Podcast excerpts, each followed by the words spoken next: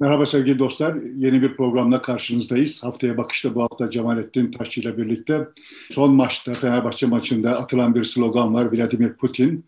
O sloganı biraz konuşacağız. Onun dışında Bay Kemal tartışması vardı. Bay Kemal tartışması üzerinde kötü imaj, olumlu imaja nasıl dönüştürülebilir ya da kötü bir sıfat olumlu bir sıfata dönüştürülebiliyor mu? Bu siyasete niye karşılık geliyor? Biraz onu konuşalım istiyoruz. Biraz da son günlerde Cumhurbaşkanı Erdoğan'ın dile getirdiği onlar bir hiçti. Ben olmasaydım, bu makamları getirmeseydim onlar yapamazlardı gibi bir hainlik, ihanet tartışması var. Bu meseleleri ele alalım, konuşalım istiyoruz günlük e, bu haftaki değerlendirme olarak. Evet istersen futboldan başlayalım. Futbol senin sahan. Güzel de bir yazı yazmışsın kendi blogunda. Maçta evet gol yendi. Bir tane oyuncu kırmızı kart gördü e, atılan bir gol sayılmadı ve seyirci dedi ki Vladimir Putin, Vladimir Putin diye bağırdı. Evet, şimdi seyircinin Vladimir Putin diye bağırmasına çok şaşırtıcı bir şey yok. Benim futbol kamuoyu hakkındaki bilgime yaslanarak yani bunun olması beklendik bir şey ama buna gösterilen reaksiyon çok nasıl desem başka türlü anlatmakta zorlandığım şeyleri anlatmak için çok elverişli bir fırsat doğurdu. Ben de onun üzerine yazdım yani ana hatlar itibariyle şöyle özetleyeyim bir de sen beni düzelt yani. Benim gördüğüm ekşi sözlükte ve işte Twitter'da vay ben Fenerbahçeli olmaktan utanıyorum nasıl olur da Vladimir Putin diye bağırır Fenerbahçe taraftarı diyen çok ciddi sayıda Fenerbahçe taraftarı vardı ve bunun arkasındaki varsayım eğer doğru formüle edebilirsek şu yani bir tarafta Rusya ve Vladimir Putin öteki tarafta Ukrayna ve işte hür dünya var. Bunlardan işte Vladimir Putin'in adını bağırmak demek ki o bağıranların dünya görüşü hakkında bir şey söylüyor, dünyayı kavrayış hakkında bir şey söylüyor. Bunlar ne kadar ipe sapa gelmez adamlar, bu Fenerbahçe taraftarları ne kadar ipe sapa gelmez adamlar çok bariz bir biçimde hangi tarafta durulması gerektiği belliyken yani kendi topraklarını korumak mücadelesi veren Ukrayna'nın yanında durmak varken bunlar öyle densiz insanlar ki işte Vladimir Putin'in yanında duruyorlar. Rusya'nın yanında duruyorlar. Doğru mu anlıyorum? Evet. Doğru mu? Duruyorlar ve bundan dolayı da e, kendilerini kötü hissediyorlar. Evet. Yani orada Vladimir Putin diye bağırmış olan insanların o bağırmasından o insanların Rusya'yı ve Vladimir Putin'i bu hesapta, bu kutuplaşmada o tarafa düştüklerini vehmederek konuşuyorlar. Dolayısıyla olay böyle bir yerlere gidiyor. Ben de kendi yazımda son derece basit bir düşünce deneyi teklif ettim. Yani UEFA işte bu Rusya-Ukrayna savaşı yüzünden Rusya'nın işgalci tutumu gerekçe gösterilerek Rusya'yı ihraç etti bu sezonki maçlarda. Etmemiş olsaydı ve Fenerbahçe yani işte eğrisi doğrusuna denk gelseydi CSKA Moskova ile eşleşmiş olsaydı. İlk maç işte yine Rusya'da oynanmayıp dışarıda bir yerlerde oynansa ve 0-0 bitseydi. Dolayısıyla şimdi İstanbul'daki maçı kazanınca tur atlanacak olsaydı. Maçta tamamen bu Fenerbahçe Dinamo Kiev maçındaki seyirde devam etseydi. Yani işte Fenerbahçe oyunu ele alsaydı, işte seyirci ümitlenmiş olsaydı, tamam biz bunu, bu turu galiba atlayacağız. Rus takımını elemek zordu ama işte bu sefer becereceğiz galiba filan gibi bir havaya girmiş iken bir futbolcusu kırmızı kart görmüş. Akabinde de bir gol yemiş olsaydı. O golü atan Rus futbolcu da böyle hadsiz bir kutlama yapsaydı tribünlere gidip. Aynı taraftarlar. Ukrayna silahlı kuvvetleri diye tezahürat yapacaklar mıydı? Ona kim e, ceza verecekse, ona kim tokat atıyorsa onun yanında yer alırlardı. Evet yani sonuçta orada Vladimir Putin diye bağıranların o bağırmalarının aslında böyle o bağırmalara bir yığın ideolojik vesaire falan falan kılıf uyduranların rehmettikleri türde hiçbir şey yok yani. Bu kadar düz ayak bir tepkiyi böyle oturup işte üzerinde saatlerce konuşulacak, sayfalarca yazılacak bir şey haline getiriyoruz. Halbuki orada o yok. Yani hani şu klasik şey esprisi, kara bir odada kara bir kediyi bulmak zordur. Üstelik de hani kedi yoksa esprisi ya kedi yok yani. Üzerine konuşup duruyoruz da ama kedi yok. Yani o da kara tamam. Kedi de olsaydı kara olacaktı belki ama yok yani. Ama işte böyle bilmiş bilmiş konuşuluyor. Utançlar çıkartılıyor işte filan falan. Hani şeyi anlıyorum. Galatasaraylıların, Beşiktaşlıların şimdi fırsatı bulmuşken buradan Fenerbahçelileri faşistlikle, Putincilikle işte efendim saldırgan tarafı tutmakla falan falan suçlayarak kendilerine bir pozisyon çıkartmalarını anlıyorum. Yani aslında taraftar seviyesinde bu iş yapılırken taraftar biliyor.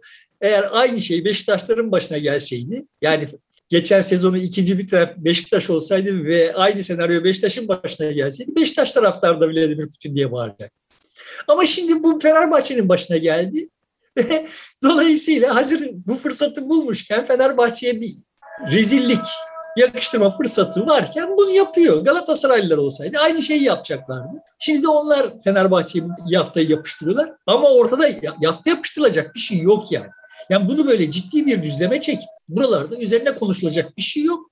Çünkü çok net diyorum, emin olarak söylüyorum ki eğer karşıdaki Rus takımı olsaydı aynı senaryo tekrarlansaydı Ukrayna lehine slogan atılırdı. Slogan atılacaktı. Aynı adamlar, aynı insanlar atacaklar.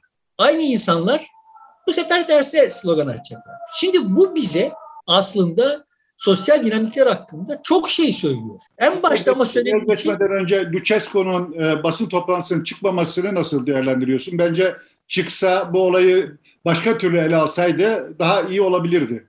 Ya Lucescu yapmaz. Bir kez şimdi ben Fenerbahçeli olsaydım zaten hani bu turu geçe, geçeriz ümidine kapılmazdım. Çünkü benim bildiğim kadarıyla Fenerbahçe tarihinde Lucescu'yu hiç yenememiş yani. Daha yani Lucescu için Fenerbahçe'ye zarar vermek ekstra yani hem Galatasaray'ı çalıştırmış hem Beşiktaş'ı çalıştırmış. Daha önce Shakhtar'la da Fenerbahçe'yi yenmiş. Yani Fenerbahçe'yi yenmek onun için bir hayat tarzı gibi bir şey yani. Ayrıca Lucescu'nun kişiliği öyledir. Yani kendisine bir fayda çıkabileceğini hissettiği yerde her türlü e, hinliği, cinliği yapar. Tabii ki yani daha centilmen ve medeni birisi olarak hazırda kazanmışken yani buradan alıp gitmişsin artık bir daha Fenerbahçe ile karşılaşıp karşılaşmayacağım hayatım boyunca da belli değil. Çok da kolay değil. Yani efendi gibi çıkıp işte orada Fenerbahçe taraftarını aklayan bir laf etsen filan böyle e, ortamı yumuşatsan e, yani şık olurdu. Lucescu'nun hanesine yazılırdı. Ama yani Lucescu öyle bir insan değil. Yani, yani Lucescu çok pragmatik. O an istediğini almak için her şeyi göze alabilecek bir adam. Zaten o yüzden işte Fenerbahçeli olsaydım çok ürkerdim. Ve nitekim de adam işte, olmayacak evet. işi yaptı ya. Fakat bu tartışmalardan sonra Fenerbahçe e, seyircilerinin utanıyor olması yani daha doğrusu Putin'in yanında yer almamış olmaları da Türkiye adına sevindirici bir durum. Yani ya, başka türlü anlamış olmaları farklı ama bu meselede ya biz Putin'le yan yana durmaktan hoşnut değiliz, memnun değiliz demeleri de güzel bir davranış gibi geldi bana. Ya sonuçta şimdi Türkiye'de bir kamuoyu araştırması yapsak yapıldı da zaten bildiğim kadarıyla. Kamuoyu ağırlıklı olarak Ukrayna'nın yanında evet. ve işte Putin'in karşısında. Yani bu bunun bin tane sebebi var. Bir hamule yani bu yani bir, bir kere zaten Rus düşmanlığı, Rus korkusu var. Artı işte tabii ki saldırgan olan ve mazlum olan taraf olma hali var. Ama yani bunları ilaveten şu da var yani Türkiye ağırlıklı olarak kamuoyu Amerikan düşmanı olsa da Batı kanadında yer almayı tercih eden bir kitle yani ağırlıklı olarak. Yani bir menfaati batıda. Dolayısıyla evet burada böyle birçok şey bir araya geliyor ve Türkiye ağırlıklı olarak zaten Ukrayna'nın yanında. Ama işte tam da o gösteriyor ki kamuoyu Ukrayna'nın yanında olduğu halde teknik olarak baktığında muhtemelen hemen hepsi Ukrayna'nın yanında olan insanlar bir Ukrayna takımı ile karşılaştıklarında hayal kırıklığına uğradıklarında ve kendilerini hak etmedikleri bir reaksiyon gösterildiğini hissettiklerinde pekala Ukrayna'nın düşmanı olan Putin'i adıyla tezahürat yapabilirler. Buradan yola çıkarak herhangi bir genelleme yapmak, buradan yola çıkarak kamuoyu ya da o insanların psikolojisi, yönelimleri, tercihleri vesaire hakkında ukalalık yapmak yersiz bir şey. Yanlış bir şey yanlış teşhiste bulunulmuş oluyor. Yani hastalığa yanlış ya da olaya yanlış bir teşhis konmuş oluyor. Sonra o yanlış teşhis üzerine politikalar üretiliyor işte. Ne oluyor? Fenerbahçeli olmaktan utanılıyor. Efendim işte Fenerbahçe taraftar hakkında abuk sabuk çıkarımlar yapılıyor. Fenerbahçe kulübü abuk sabuk açıklamalar yapıyor filan. Yani bu yanlış teşhis yüzünden bir yanlışlık ortaya çıkıyor. Şimdi yarın öbür gün ya yetti gari deyip Fenerbahçeliler yani lan biz orada Putin için bağırırken aslında Rusçu değildik. Putinci de değildik. Zevzekler bir şey anlamadınız, anlamıyorsunuz, ahmaksınız. Ama işte lafı da siz söyleyin istiyorsunuz deyip yetti gari deyip bir bayrak kaldıracak olsa Putinci olur. Yani şimdi hal böyle oluyor ya. Yani. Bu kadar çok konuşuluyor, yanlış, çok, çok konuşulmasından daha tehlikeli olan şey yanlış teşhisler üzerinden konuşuluyor. Benim sittin senedir söylediğim şey bu. Yani bu toplum hakkında konuşanların aslında o tercihler, o tutumlar, o davranışlar neden çıkıyor konusunda yeterince kafa yormadıklarını söylüyor. İddiam bu yani. Ve yaptıkları, çıkarım yaptıkları şeylerin, çıkarımlarına dayanak yaptıkları şeylerin aslında bu toplumda olmadığını iddia ediyor. Şimdi denebilir ki ya tamam senin bu söylediğin işte Fenerbahçe, Dinamo Kiev maçı veya Fenerbahçe Galatasaray Beşiktaş rekabeti için, futbol için söylenebilir de kardeşim siyaset ciddi iş ya. Siyasette de böyle tutum alınır mı? Yani denebilir.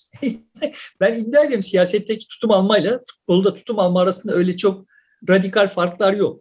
Yani ben şimdi 6-7 yaşında Beşiktaş tutmaya başlamışım. Ha bak Beşiktaş'ın değerleri şunlar, renkleri bunlar. Ben Fenerbahçe'ninkiler şunlar, Galatasaray'ınkiler bunlar. Bunların bir tanesini tutmam gerekiyor. O halde şimdi hangisini tutacağım bakayım ben hangi renkleri seviyorum filan gibi bir takım akıl yürütmelerle yapmadım bu işi. Yanımda yamacımda e, sevdiğim insanlar vardı. Bu sevdiğim insanlar Beşiktaş tutuyorlardı. Muhtemelen onlar da benzer sebeplerle Beşiktaş'ı tutmuşlardı. Yanlarında yamaçlarında sevdikleri insanlar Beşiktaş tuttuğu için, sevmedikleri insanlar Fenerbahçe'yi tuttuğu için Beşiktaş tutmuşlardı mesela. Bu böyle herkes kendi takımını büyük ölçüde böyle tercih ediyor. E peki ama siyaset nasıl oluyor? Yani siyasette de tas tamam aynı dinamikler çalışıyor. sevdiğin insanlar var. Kendilerine saygı duyduğun vesaire filan insanlar var. Onlar belli bir siyasi yönelime sahipler ve sen de onların yanında olmak, sevmediklerinin karşısında olmak gibi bir motivasyonla yapıyorsun tercihlerini. Yani kimse bu siyasi partilerin programlarını okumuş, efendime söyleyeyim böyle ideolojiler. Yani zaten herhangi bir partinin herhangi bir sağlam böyle ideolojisi de yok ki. Dünyanın herhangi bir yerinde yok yani. Pekala işte Yeşiller Almanya'da Rusya-Ukrayna krizine re- reaksiyon olarak işte kömür santralları veya nükleer santrallerin yanında yer alabilir. Yani davul senin omuzundaysa tokmak elinde ise yani yapma, e, vermen gereken kararlar var ve o tercihleri yaparken ideolojiler nadiren insanın hayatında tayin edici olurlar yani. Asıl tayin edici olan bizim kalabalığın içinde kendi koordinatımızı tayin etmektir. Kimin yanındayız, kimin karşısındayız. Siyaset de tam da bu fonksiyonu üstleniyor. Ama yani işte bir kulüp tutuyorsa, bir takım tutuyor ise onu değiştirmek çok zor.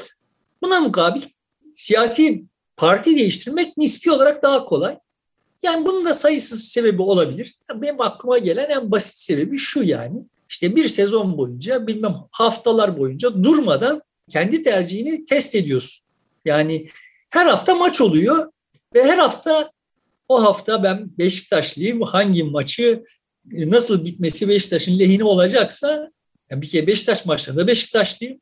Diğer maçlarda da Beşiktaş bu maç Konya Spor Fenerbahçe maçını Konya Spor alırsa Beşiktaş'ın lehine olacak ise filan Konya Spor tutarak maçı seyrediyorum yani. yani. Tabii ki Beşiktaş maçındaki gibi olmuyor olay ama yani ana hatları itibariyle olaylar insiyaki halde böyle sürüyor. Şimdi bu her hafta tazelendiği için bunu değiştirmek kolay olmuyor. Maçlarda dört yılda bir olsaydı evet, belki insanlar takım değiştirmeyi de daha kolay becerebilirlerdi yani. Ama her hafta tazelenen bir bir tırnak içinde husumet var yani. Her hafta defalarca tazeleniyor. Dolayısıyla muhtemelen bu yüzden takım değiştirmek kolay olmuyor. Aslında yani ideolojik kamp diyebileceğimiz şey siyasi veya siyasi parti tercihleri de o kadar çok kolay değişen şeyler değil. Ama Türkiye'de siyaset çöktüğü için 90'ların ikinci yarısından itibaren böyle e, ufalanmış bir sosyoloji var. Nereye gitsen gidecek gibi bir durum var. 99 seçimlerinde bu realize oldu. 2002 seçimlerinde realize oldu. Yarın yine olabilir. Ama o ufalanmış sosyolojiye uygun siyaset üretilmiyor.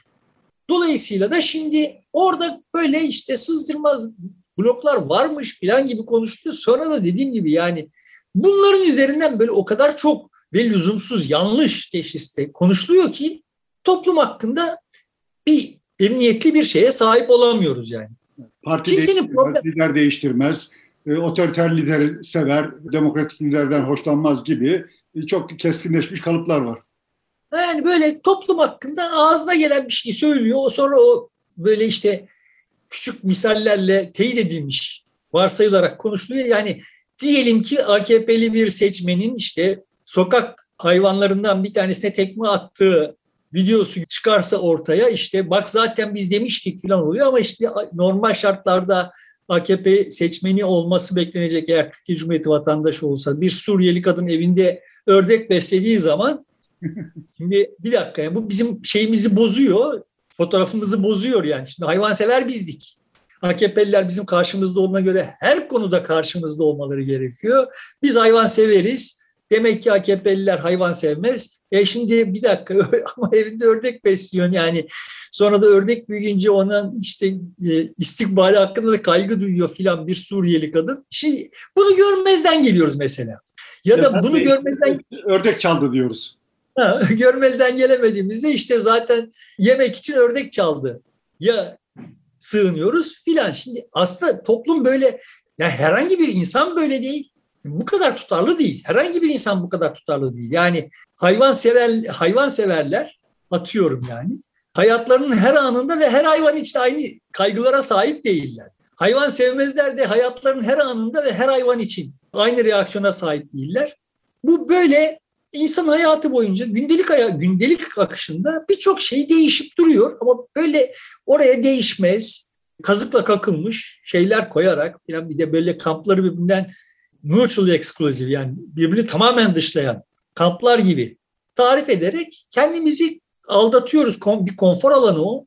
Normaldir bu. Yani Fenerbahçeli'nin Galatasaray'ın yani hayatı zaten zor olan o futbol sayesinde haftada birkaç saat o zorlukları unutmak derdinde olan insanların yani evet böyle çok kestirmeden Fenerbahçelilik, efendim Galatasaraylılık, Beşiktaşlılık gibi bir takım şeyler icat edip o, o bir takım onlara değerler atamaları falan bu anlaşılır bir şey. Ama ağzı laf yapan insanların memleket hakkında ahkam kesme yetkisini kendisinde gören insanların bunları yapması trajik ya. Ve bunlar yapılıyor durmadan. Yani çıkıyor insanlar televizyonlarda, işte YouTube'da, şurada burada saatlerce böyle Putin'in e, lehine e, slogan atmanın ne manaya geliyor olduğu hakkında böyle ya orada o Putin sloganını atan adamın bin yıl düşünse aklına gelmeyecek şeyleri ona yakıştırmakta bir beis görmüyor yani. O zaman benim tüylerim diken diken oluyor ve o yüzden ben ısrarlı bir biçimde diyorum ki memleketin esas meselesi toplum değil, aydını. Yani aydını bu toplumu bu hale getiriyor yani. Bir de o seyirci o anda onu nereden düşünecek, nasıl muhakeme edecek ve aynı anda harekete geçecek. Bir organizeden de yok. O kendiliğinden o anda onu veren bir şey. Yani e, tabii işte diyorum yani sonuçta o maça girerken son derece Ukrayna sempatisiyle girmiştir tribüne. Zaten de muhtemelen Ukrayna bayraklarıyla çıktığında Dinamo Kiev galiba öyle çıkmış. Buna sempati göstermiştir, alkışlamıştır filan. Ukrayna lehine tezahürat yapmıştır. Yani hatta belki de o futbolcu o kadar densizce bir sevinç gösterisinde bulunmasa yine de bağırmayacaktır Vladimir Putin diye. Ama şimdi yani orada yani bütün hayalleri kırılmış. Temel meseleler buralarda. Bak hayali kırılmışsa toplum insanların onların davranışları hayal kırıklığı yaşamadan öncekinden farklı olur. Gibi şimdi böyle şeyler yani pratikte hepiniz hayatı böyle değil mi kardeşim? Hepimizin hayatı böyle. Yani Sabah kalkmışsın neşelisin. İşte senin bugün yaptığın gibi güzel bir kahvaltı yapmışsın. Bir şeyle karşılaştığında yani orada küçük bir çocuk düşüp dizini yaralamışsa ona işte nasıl yardım ederim diye koşarsın. Ben Türk yot bulacağım işte yarayı temizleyeceğim filan. Ama işte yani bir yerlerden azar işitmişsin, işinden atılmışsın, şu olmuş, bu olmuş, öfken burnunda, aynı çocuk aynı şekilde düşse, ulan dikkat etsene dersin. Yani şimdi ve aynı insansın yani. Sonuçta bu insanları böyle bu işte çocuk sever, bu çocuk sevmez falan diye kategorize edemezsin bu davranışlara bakar. Dolayısıyla da evet şimdi buradan böyle kestirme çözümler üretildiği zaman başka aksaklıklar çıkıyor. Bunların yapılmaması gerekiyor. Dediğim gibi insanlar sıradan insanlar bunları yapabilirler. Çünkü her şeyi değerlendirmek için yeterince zamanları yok. Sonuçta şimdi ben senin düşünmüş bir çocuğun derdine derman olmaya çalışırken ki halini gördüğünde eğer sen seni sevmiyor isem onu görmezden gelirim. Ama onu azarladığını gördüğüm zaman bunu anlatır da anlatırım. Ya hıyar işte bak orada küçücük bir çocuk lan filan falan diye bunu anlatır da anlatırım yani. Çünkü senin sana göre pozisyonunu belirliyorum ben. Eğer seni seviyor isem tersini yaparım. Bizim işimiz bütün insanların hayatı budur. Kimin yanında olacağız, kimin karşısında olacağız ve ondan sonra da yanında olduğumuzun yanında olmayı, karşısında olduğumuzun karşısında olmayı kendimize meşru gösterecek datayı toplayacağız yani. Biz hepimiz böyleyiz. Sosyoloji böyle mümkün olan bir şey. Burada bir beis yok. Mesele şu. Bunun üzerinden ahkam kesmeye kalktığında işte bilimsel görünümlü bir takım laflar etmeye kalktığında eğer bu yaklaşımı sergiliyor isen o zaman vahim bir durumdayız demektir biz yani. Buradan şuraya gelelim. Fenerbahçeliler, Fenerbahçe taraftarı böyle bir halt ettiğinde Galatasaraylılar onları tiye alıp filan işte zaten ne, siz hep rezildiniz, şikeciydiniz, üstelik şurada da şunu yapmıştınız, olmamış tarih öncesi şampiyonluklardan yıldız çıkartmaya çalışıyorsunuz ama işte bu rezillikle tüy diktiniz filan gibi lafları ederek kendisini rahatlatıyor mu? Rahatlatıyor. Bu Fenerbahçelilerin canını yakıyor mu? Yakıyor. Yarın bir şey olacak. Fenerbahçeliler Galatasaraylılara bir şeyler diyecekler işte maklubeciler diyecekler falan falan ve işte onlar rahatlayacak. Galatasaraylıların canı yanacak. Hayat böyle. Hiç can yanmadan bir sosyoloji olmaz. Hepimizin canı yanıyor. Bir şey oluyor. Canı yanıyor. Bir, bir şey oluyor. Rahatlıyoruz. Mesele şu. Fenerbahçe, Galatasaray vesaire olmasa futbol seyredilmeye değer bir şey olmayacak. Bunu kıymetli kılan bir futbol taraftarlığını kıymetli kılan hayatta futbol izlemeye bir mana yüklemeye imkan veren şey aha bu gerilimler. Bu gerilimleri ortadan kaldırdığın zaman geriye bir şey kalmıyor. Meselemiz şu bizim. Bu gerilimleri ortadan kaldırmaya çalışan bir yığın zevzek var memlekette, dünyada. Daha doğrusu şöyle ortadan kaldırmaya çalışıyor değiller. Bu gerilimlerden yola çıkarak insan türü veya işte memleketin ahalisi hakkında böyle abuk sabuk konuşarak yine aynı işi yapıyorlar. Kendilerini bak biz onlardan değiliz. Yaptıkları iş yine iki takım tarif edip kendileri bu takımın taraftarı olarak göstermekten ibaret. Temel sıkıntı buradan kaynaklanıyor. Yani temel gerilim bu. Ama biz sanki başka gerilimler varmış. Yani şöyle olay artık yani İstanbul takımlarına karşı Anadolu'da Anadolu takımlarından herhangi birisini tutmaya başlayan birileri olmuş. O Anadolu takımlarının böyle eski hegemonyayı tehdit etmesi üzerine de İstanbul takımlarının eski statülerini özleyen birileri olmuş. Tamam şimdi Fenerbahçelisi, Galatasaraylısı, Beşiktaşlısı bir araya gelmiş. Kendi aralarındaki çelişkiler devam etmek kaydıyla, kendi aralarındaki maçlarda içip kakışmak kaydıyla ama Kayseri Spor'la oynarken aralarında birileri Ulan işte bu hıyar Kayserililer zaten bütün Anadolu'lular böyle yatıyorlar, kalkmıyorlar, maçı öldürüyorlar, futbolun hırzına geçiyorlar filan diye konuşuyorlar. Şimdi bu çok futbolda olay böyle oldu. Eskiden bunlar yoktu. Ve diyorum ki bak dünyada da olay böyle oldu. Siyasette de olay böyle oldu. Kendi arasında bir araya gelse birbirinin gırtlağına sıkacak insanlar yani Boğaziçi'lisi, Galatasaray Liselisi, efendime söyleyeyim işte Harvard'da okumuşu falan falan birbirini gırtlağına sıkacak, sıkıyor bir araya geldiğinde. Ama bunların hepsi Konya Anadolu Lisesi'nden veya Konya Lisesi'nden birisi geldiğinde onun karşısında yekpare oluyor. Şimdiki kamplaşma bu. Şimdi tayin edici olan şey bu yani dünyada. Benim işaret etmeye çalıştığım şey yıllardır üzerine tepindiğim husus bu. Bunu başımızı gözümüzü yarmadan, bu gerilimi ortadan kaldırmaya çalışarak değil, başımızı gözümüzü yarmadan efendice yönetmenin bir yolunu bulmamız gerekiyor ve siyasetin işi bu diyor. Bunu yapmadığı için siyaset yok diyorum yani. Bu Türkiye'de yoktu. Gördük ki başka yerlerde de yokmuş. Ama şu görünüyor artık bu İstanbul takımının hegemonyasını sürmeyeceği gibi o işte Galatasaray Liseli, Boğaziçi'li, ODTÜ'nün hegemonyası da sürmeyecek yani artık.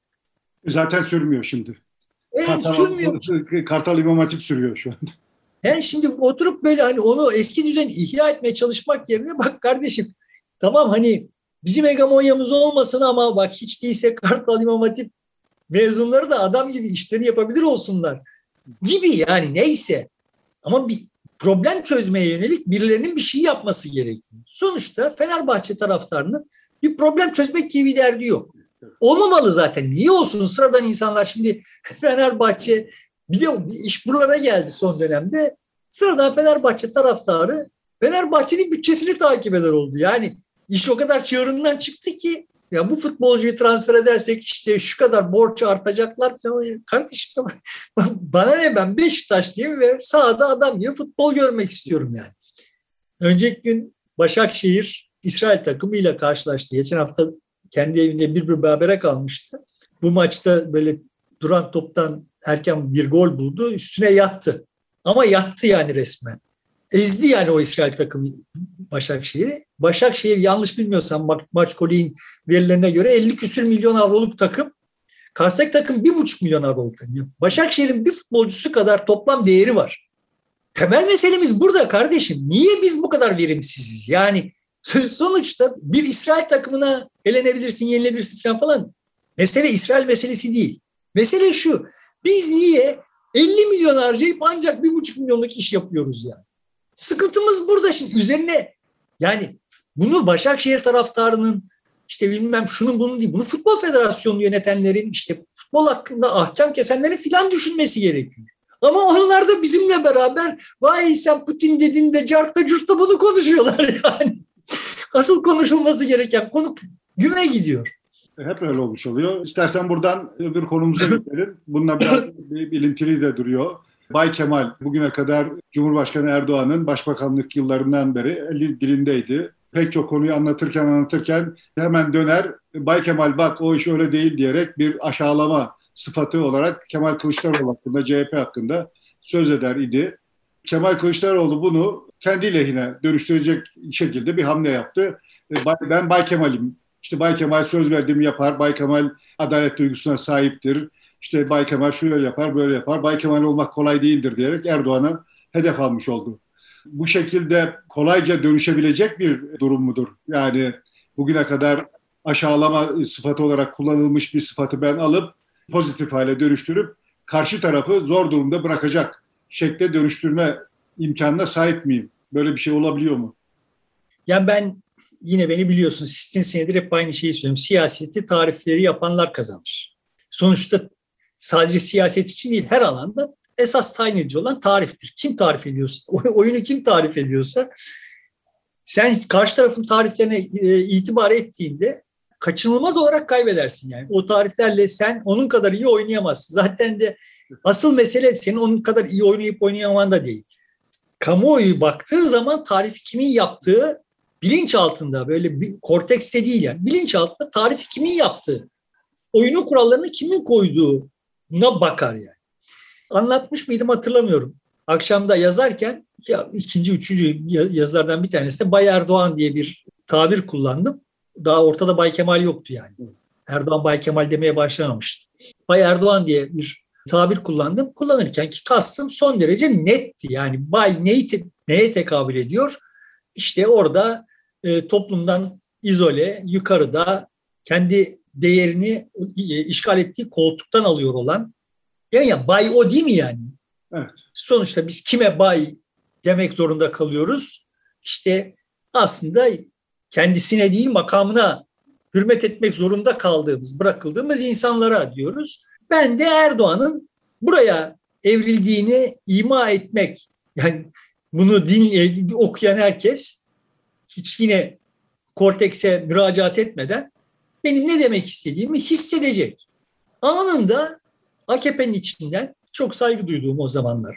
Birisi ya bu yakışmadı diye itiraz etti bana. Aslında ben kararlıydım. Ondan sonra Erdoğan'dan söz ederken hep Bay Erdoğan diye söz edecektim.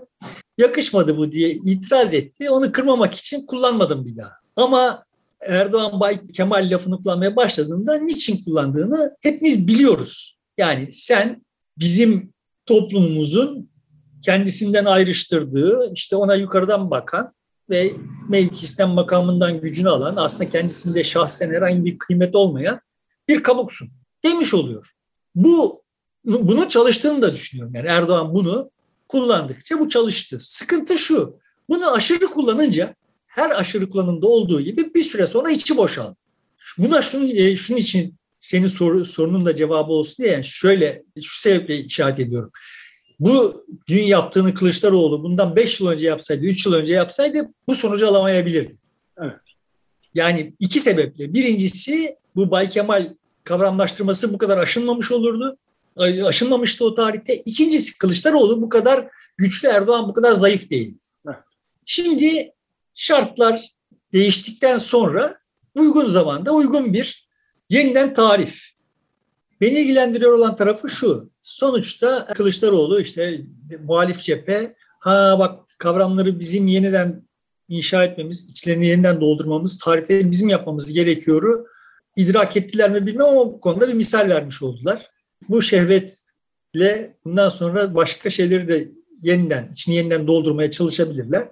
Ama hani senin yüz yüze konuşurken işaret ettiğin gibi daha önce biz bunun örneğini gördük. Yani işte aşağılamak için gezicilere çapulcu dediğinde Erdoğan o çocuklar çapulcuyu sahiplendiklerinde boşa gitti yani. Bunlar biz şimdi bay- çıktılar. Biz serseriz diye çıktılar. Serseri dediğinde e, filan böyle şeyleri o zaman geri çağırmışlardı evet. Döndürebilmişlerdi.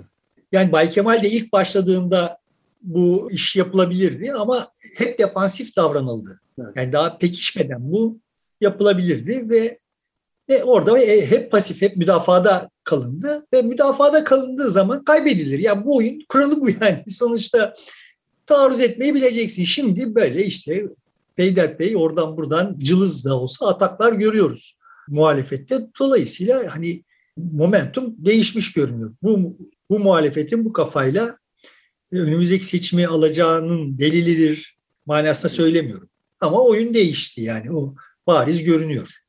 Ben gerçi çok fazla konuşmadı ama Cumhurbaşkanı Erdoğan daha sonra Bay Kemal demedi herhalde. Ben hatırlamıyorum. Muhtemelen daha söyleyecektir bundan sonra. Yani onu tabii şimdi karar veremeyiz yani zaman geçmesiyle. Biraz düşünüp de şey yapacak, değerlendirecektir. İstersen buradan gene bir buna benzer bir başka tartışma ama bu, bu sefer AK Parti'nin kendi hinterlandında yaşandı. Daha doğrusu Erdoğan ile partiden ayrılmış olan Davutoğlu ve Babacan arasında Erdoğan bir konuşmasında pek çok kere yapıyordu ama bu son konuşmasında ben olmasam onlar bir hiçti. Onları o görevi ben getirdiğim için e, o görevleri yapabildiler diye bir değerlendirme yaptı. Orada bir de hainlik ettiler gibi, ihanet ettiler gibi de sıfatları da kullandı. Bunun üzerine önce Babacan konuştu. Yani biz hiç olsaydık bizden sonra getirmiş olduklarında ekonomi ne duruma geldi gördük.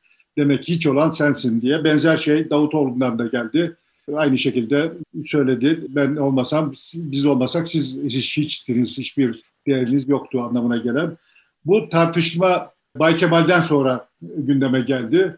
Burada galiba sanki Erdoğan aleyhine dönecekmiş gibi duruyor. İzlenimi o yönde aldım ben önce. Yanılıyor da olabilirim. Nereye gider, ne, ne, nasıl değerlendirmek lazım siyasette bu tartışmayı? Şimdi, dönüp dolaşıp aynı şeylere geliyoruz. Yani yıldızın yükseliyorsa yaptığın hatalar bile senin lehine yazar. Yıldızın düşüyorsa doğru yapsan da, savaşı kazansan da kaybetmiş gibi anlaşmalar yapmak zorunda kalırsın yani. Erdoğan'ın yıldızı düşüyor. Ama ana hatları itibariyle hikayenin bize söylediği başka bir şey var. Son tahlilde hayat bir takım oyunu.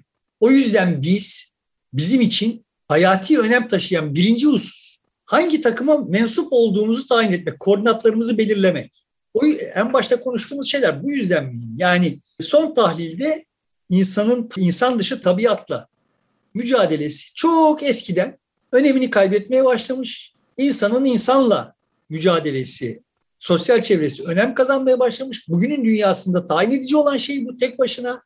Yani bir aslana yem olma ihtimalimiz hiç kalmamış. Efendime söyleyeyim işte soğuktan donarak ölme ihtimalimiz neredeyse hiç kalmamış vesaire. Tam son tahlilde bütün hayatımızı belirleyen başka insanlar. Dolayısıyla da hepimizin birinci önceliği hangi takıma mensup olacağımızı tayin etmek. Takım derken kastettiğim kendi aramızdaki takımlar yani. Şimdi kimin yanında olacağım, kimin karşısında olacağım gibi bir derdimiz var. Bunu da tabii ki yani e, bir hayat memat meselesi bu ama tabii ki bir takım değerlerle yani buradayım çünkü işte al bayrak, ay yıldız vesaire gibi gerekçelerle açıklayacağım ki kendime bir yücelik, bir, bir tür insanüstülük yakıştırmış olacağım. Yani buradan bir soyluluk çıkaracağım yani. soyluluğu çıkartacağım sonra da o ay yıldızı o bayrağı vesaireye işte neyse ya da yani ona olmayacak değerler atfedeceğim. Yani şimdi sosyal medyayı açtığın zaman bunun sayısız örneğini görüyorsun. Geçen gün birisi bir tweet atmış ve işte rezilsiniz CHP diye bir hashtag varmış anladığım kadarıyla. Onun altına işte 13 yaşındaki Safiye Ayla'ya Kılıç Ali'nin, Safiye Ayla'nın hatıralarından yola çıkarak Kılıç Ali'nin sarkıntılık etmesinden işte zaten bütün bu düzeni bu kızlara özgürce ta- tasallut etmek için kurdunuz siz demeye getiren halbuki biz işte 13 yaşındaki kızların yanındayız demeye getiren bir şeyler paylaşmış. Şimdi ama onun yanında olduğu insanlar 13 yaşındaki kızların işte evlenme yaşına gelmiş oldukları vesaireler üzerinden kanunlar çıkartmaya çalışarak ve işte 13 yaşındaki kızlara tasallut ederek işler yapıyor. Bak onları görmüyor yani. Herkes aynı işi yapıyor. Herkes son tahlilde yani bu tarafta olanlar bunların 13 yaşındaki kızlara tasallutunu, bu tarafta olanların 13 yaşındaki kızlara tasallutunu görerek kendi pozisyonunu rasyonalize ediyor. Öteki taraftakiler de aynı işi yapıyor bak yani. Çok ibretlik bir hadiseydi. Yani o tweet çok ibretlik bir tweetti yani. Şimdi sen zannediyorsun ki ya sen vehmediyorsun ki öyle olayı kafanda kuruyorsun ki, projelendiriyorsun ki ya bak ben 13 yaşındaki kızların haklarının, hukukunu yanındayım. Ötekilerin bütün derdi onları bir cinsel nesne olarak görüp işte filan deyip sen ötekilerin tamamının aslında bütün derdi 13 yaşındaki kızlara tecavüz etmek olduğunu vehmediyorsun. Öyle değil yani. Oradaki insanlar da tas tamam aynı akıl yürütmeyle orada olmaya açıklıyorlar. Hepimizin bu bulunduğumuz yeri, tercih ettiğimiz yeri bir tür soylulaştırma ihtiyacımız var ve bu işi yapıyoruz. Burada serin kanlı bakıldığı zaman meselemiz şu bizim takım oyunu oynamak zorundayız. Takım oyunu bozulduğu zaman bireysel oyunla elde edilebilecek bir sonuç yok. Çünkü bireysel oyun oynadığınızda organizasyon, örgütlenme kayboluyor. Erdoğan'ın yaptığı şey takımın veya işte seyircinin, taraftarın vesaire falan mutlu olması, oyunu kazanmak, işte Türkiye'yi tırnak içinde olduğundan daha saygıdeğer bir yer haline getirmek falan değil. Erdoğan'ın bütün derdi gücü başından itibaren takımın yıldızı. Tribünlerin kendisinin adını bağırdığı adam olmak. Maçları 5-0 6-0 kaybediyormuşuz umurunda değil. Eğer başkaları suçlanıyor ise takımdaki, teknik direktör suçlanıyor ise, işte kaleci suçlanıyor ise, başkan suçlanıyor ise onun için önemi yok yani olay. Başından itibaren olay böyleydi ve sıkıntı buradaydı zaten. Ve Ali Babacan'ın, Davutoğlu'nun falan falan bu anlamda muazzam günahları var. Çünkü Erdoğan'ın oyunu böyle oynuyor olduğu başından belliydi. Başından derken 2007'de aşikar olmuştu. 2007'ye kadar böyle bir motivasyonu olduğu benim açımdan ben baktığım zaman görüyor idim. Ama motivasyon hayata geçemiyor idi. Bir takım direnç noktaları vardı. Ama 2007'de bunları birer birer kırmaya başladı. Gücü yetti ve orada Ali Babacan ve Davutoğlu benimle beraber seyrettiler bu oyunu son tahlilde şunu bilmeleri gerekiyordu. Evet filancayı tasfiye etti Erdoğan. Seni oturttu oraya. Ha şimdi ben oturdum diye bunu makbul bir şey olarak gördün. Halbuki o tasfiye olan adamın senin yerine oturduğun adamın tasfiyesinde bir kural dışılık vardı yani. Buna o zaman içeriden itiraz etmeleri gerekiyordu eğer iddia ettikleri türden demokratik kural kural temelli bir oyun vesaire filan vardıysa akıllarında buna o zaman itiraz etmeleri gerekiyordu. Şimdi kendileri kazandıkları zaman itiraz etmediler. O, o zaman belliydi ki Erdoğan'ın yanında yani öyle değil mi şimdi sonuçta son tahlilde bak Erdoğan'ın yanında kim varsa ve kim vazgeçilmez görünüyorsa onların hepsinden vazgeçildi. Kaç tane bakan değişti. Eski kadronun yani partinin kurucularının isimleri partinin web sayfasından çıkarılıyor. Kurucu ismi ya.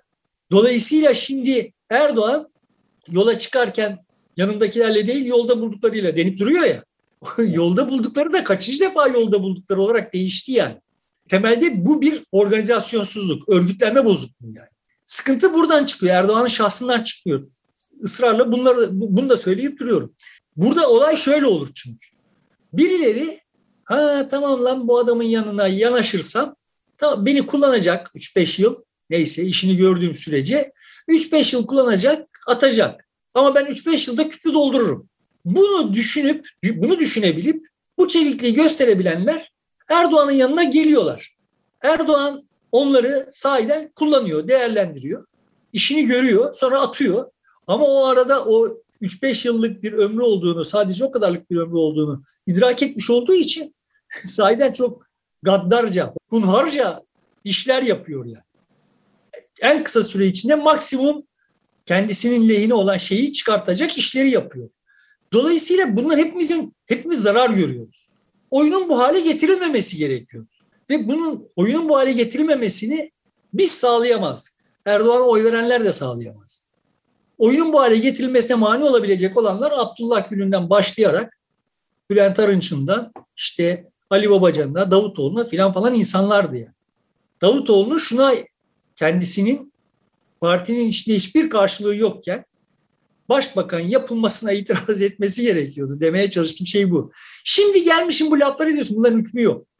Evet yani sonuçta Erdoğan bir hiçten ibaret ama hiçin sizi başbakan yapmasına son derece şeyle, iştiyakla heveslendiniz. E yani sonuçta bu lafları hak ediyorsunuz. Öyle bakıyorum. Oradan giderken de direnmedi. Peki yani siz getirdiniz deyip e, geri çekilmiş oldu. Orada normalde bir direniş örgütlemiş olsaydı siyaseten böyle bir şey yapmaya hakkı olabilirdi. Ahlaken olmayabilir ayrı bir mesele ama e, başka bir tablo ortaya çıkabilirdi belki. Yani sonuçta 7 Haziran seçimlerinden sonra hiç değilse bir siyasi akıl sergilemiş olsaydı Erdoğan'ı sınırlayacak işi yapma kabiliyeti eline geçmişti. O güç vardı. Bunu kullanamadı. Yani hem beceriksizlik hem aymazlık hem de tırnak içinde ahlaksızlık var. Yani Erdoğan evet tribünlerden aldığı alkışla yaşayan bir adam. Takımın yıldızı takım olmaz yani bir takım lazım değil ona. Suçlayacak birileri lazım suçu atacak birileri lazım. Dolayısıyla da e, bunu yapıp duruyor. Bak bu ben aslında büyük bir yıldızım. Beş tane de gol atacağım maç boyunca ama bu hocanın oynattığı oyunla bu olmuyor deyip hocayı kovduruyor. Yerine gel birisi geliyor. O yerine gelen hevesle geliyor Ama yani yarın da sana gelecek aynı laf. Çünkü bu oyundan skor çıkmaz yani. Buradan bizim de, derdimize deva olacak bir şey çıkmaz. Ama tekrar söylüyorum bu Erdoğan'ın oyununun yani Erdoğan'ın bu oyunu böyle oynayabilmesi sadece Erdoğan sayesinde veya Erdoğan'a oy verenler sayesinde olan bir şey değil. Erdoğan'ın yanında olup buna destek veren işte bu zevat artı Erdoğan'ın karşısında olup bu oyunu kazanamamış olanların suçudur. Yani normal şartlarda böyle oynayanlar çok kolaylıkla kaybederler.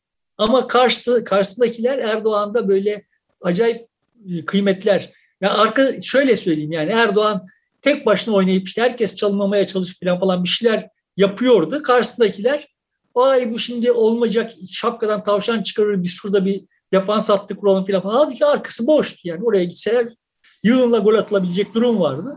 Bunu yapmadılar.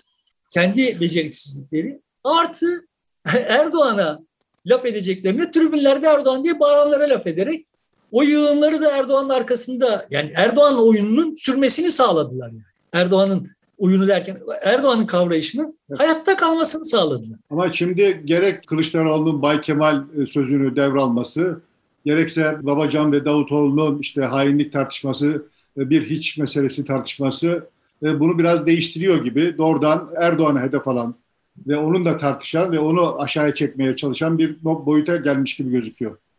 Evet yani adam sonuçta işi çok abarttı, çok uzun sürdü ve yani ya tamam da kardeşin noktasına gelindikten sonra şimdi yavaş yavaş seslerini çıkarıyorlar. Buraya gelmeden çık- çıkması gerekiyordu bu seslerin. Yani 2010'da 2011'de çıkması gerekiyordu. Bunların çok e, çok gecikmeli oynuyoruz yani oyun. Kaybettiğimiz zaman sonuçta Erdoğan'ın Türkiye'ye asıl hasar verdiği dönem son 10 yıl.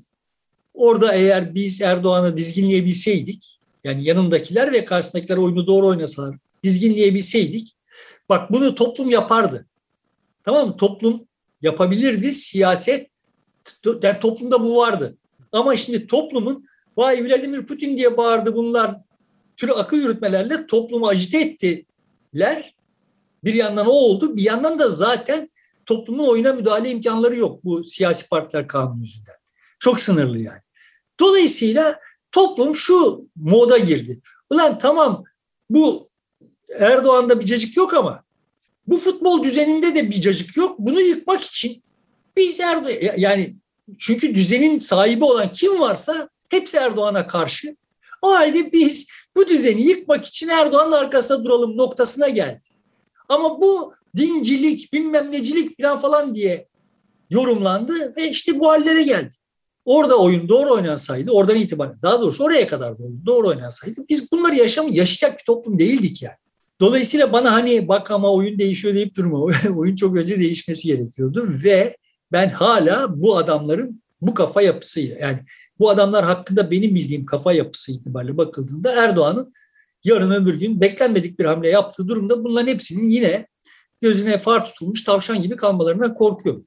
yani şimdi burada bir konjonktürel çatlak açıldı. Burayı böyle şehvetle kullanıyorlar ama birdenbire başka bir yerden bir akıntı geldiğinde böyle Aa, bir dakika derdimiz bu değildik ama burada oynuyorduk filan falan diyebilecek kadar vasıfsız olduklarını düşünüyorum. Yani. Ama bir yıldız kayması söz konusu olduğu için şansları orada olabilir belki. Öbür tarafın yıldızı parlamıyor artık yani çok fazla. Evet. Bunların hep çok par parlamıyor. E, bir başka yıldız da çıkar gelir belki o zamana kadar. Peki. Bitirelim mi? Bitirelim. Peki o zaman. Sevgili dostlar burada bitiriyoruz programı. Şimdilik hoşçakalın. Görüşmek üzere.